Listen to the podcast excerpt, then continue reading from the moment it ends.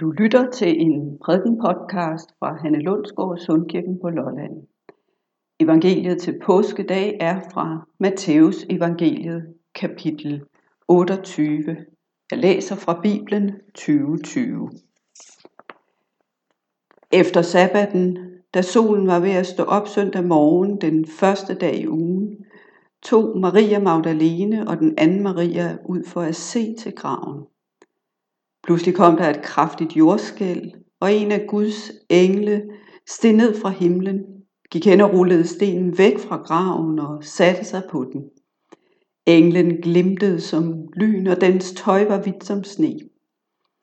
Vagterne rystede af skræk og faldt om på jorden, som om de var døde. Så sagde englen til kvinderne, I skal ikke være bange. Jeg ved, at I leder efter Jesus, der lige er blevet henrettet på korset. Han er ikke her. Han er stået op fra de døde, som han sagde, han ville. Kom og se, hvor han har ligget.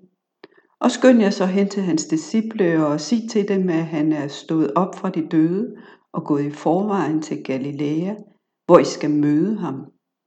Nu har jeg sagt det, der skal siges. Kvinderne skyndte sig afsted. De var fulde af både frygt og glæde og løb hen for at fortælle det hele til disciplene. Amen.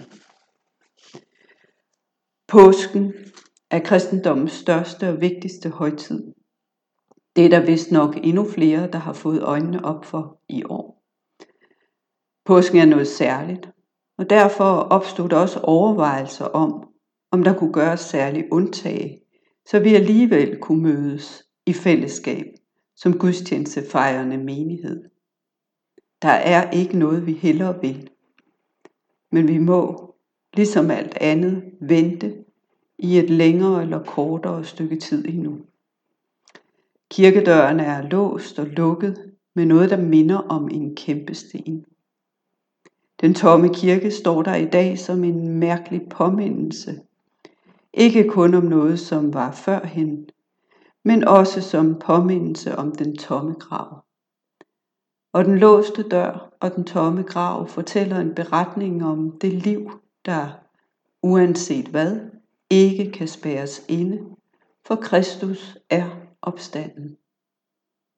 Gravstenen er flyttet, og han kan gå gennem låste døre, ud i alverden, hvor vi og alverden skal se og høre, at livet er stærkere end døden. Kristus åbner til et helt nyt og usandsynligt liv. Påsken er den vigtigste højtid. Højtidernes højtid. Håbets højtid. Påskedag er dagenes dag. Søndagenes søndag. Den største dag i hele kirkeåret. Kristi opstandelsesdag. Naturligvis kan og skal budskabet nå frem, også i den verden, som er så helt forandret. Kristendommens hjerteslag er Guds kærlighed, som ikke kan slås ihjel. Kærligheden, der overvinder al frygt og død og angst og bekymring. Den, der elsker meget, skal også savne meget. Savnet er sammen med frygten noget af det, der rammer os voldsomt i øjeblikket. Vi savner det, der var, den kendte hverdag.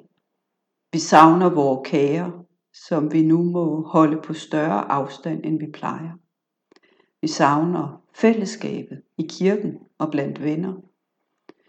Og vi savner vores døde og mærker ekstra tydeligt, også i denne tid, den smerte, som ligger i at savne dem, der ikke længere er iblandt os. Vi lever i en ny og sårbar tid, hvor alt er så forandret og vi kigger ind i en helt ukendt og uset fremtid. Det kan gøre os bange. Hvordan skal det dog gå alt sammen? Det ukendte vækker frygten i os. Ikke ulig det, der skete, da de to Mariaer kom til den tomme grav. De troede, de vidste, hvordan tingene var, at Jesus var død og borte, og havde efterladt dem med sorgen og savnet. Og så viste der sig en helt ny fremtid, hvor opstandelsen kunne sætte en helt ny dagsorden for de to kvinders fremtid. og for alle andres fremtidige liv. Døden skal ikke længere have det sidste ord. Situationen er ude af vores kontrol. Måske havde vi glemt det. Måske troede vi, vi kunne styre livet og verdens gang. Sårbarhedens tid, skrøbelighedens tid og uvidshedens tid viser os, at der er en anden dagsorden for livet, hvor alt kan ske. En dagsorden, som Jesus Kristus sætter med sit liv, sin død og opstandelse. Hvordan og hvornår kommer vi tilbage til det normale? Måske gør vi ikke det. Måske skal påskedag 2020 for evigt være en helt særlig påmindelse om, at livet i sandhed er helt nyt og helt forandret. Det ukendte kan vække frygten, men det ukendte kan også skabe et nyt håb. Hvad om vi tænker, at vi om længere eller kortere tid skal se frem mod en ny normal, som på nogle områder er bedre end det, der var før. Intet er jo normalt. Slet ikke påskedag, hvor Jesus Kristus har rejst sig fra graven og er gået ud i livet og verden. At leve i lyset af Jesu Kristi opstandelse er at leve et liv i håb og kærlighed. Mange af os lever nu et mere enkelt liv, mere roligt, med mere tid, også mere tid til Gud. Det vil ikke være dårligt, hvis det bliver normalt at have tid og plads til Jesus Kristus som pejlemærke, også i dagligdagen. Fællesskabets betydning står klarere i vores bevidsthed nu. Vi er fælles på nye måder, og vi tænker, måske endda med skam, på hvor lidt vi havde tid til hinanden før krisen. I samme nu vokser taknemmeligheden. Taknemmeligheden over, at vi har gode mennesker i vores nærhed. At vi er husket og værdsat af vores nærmeste og vi sender en ekstra tak, en ekstra hilsen og en ekstra opmærksomhed til dem, vi kender. Ligesom også taknemmeligheden for de små ting i dagligdagen har fået ny kraft. Solen, blomsterne, huset, helbredet, foråret og kærligheden. Vi er dobbelt taknemmelige, når vi erkender det liv, som er ude af vores kontrol, alligevel viser sine gode sider. Og når vi erkender, at intet af det, vi har og er, er en selvfølge. Måske fremtidens normal bliver et mindre grådigt samfund, hvor vi bliver langt bedre til at være der, hvor vi er, og ikke drømme os væk til alle mulige andre steder.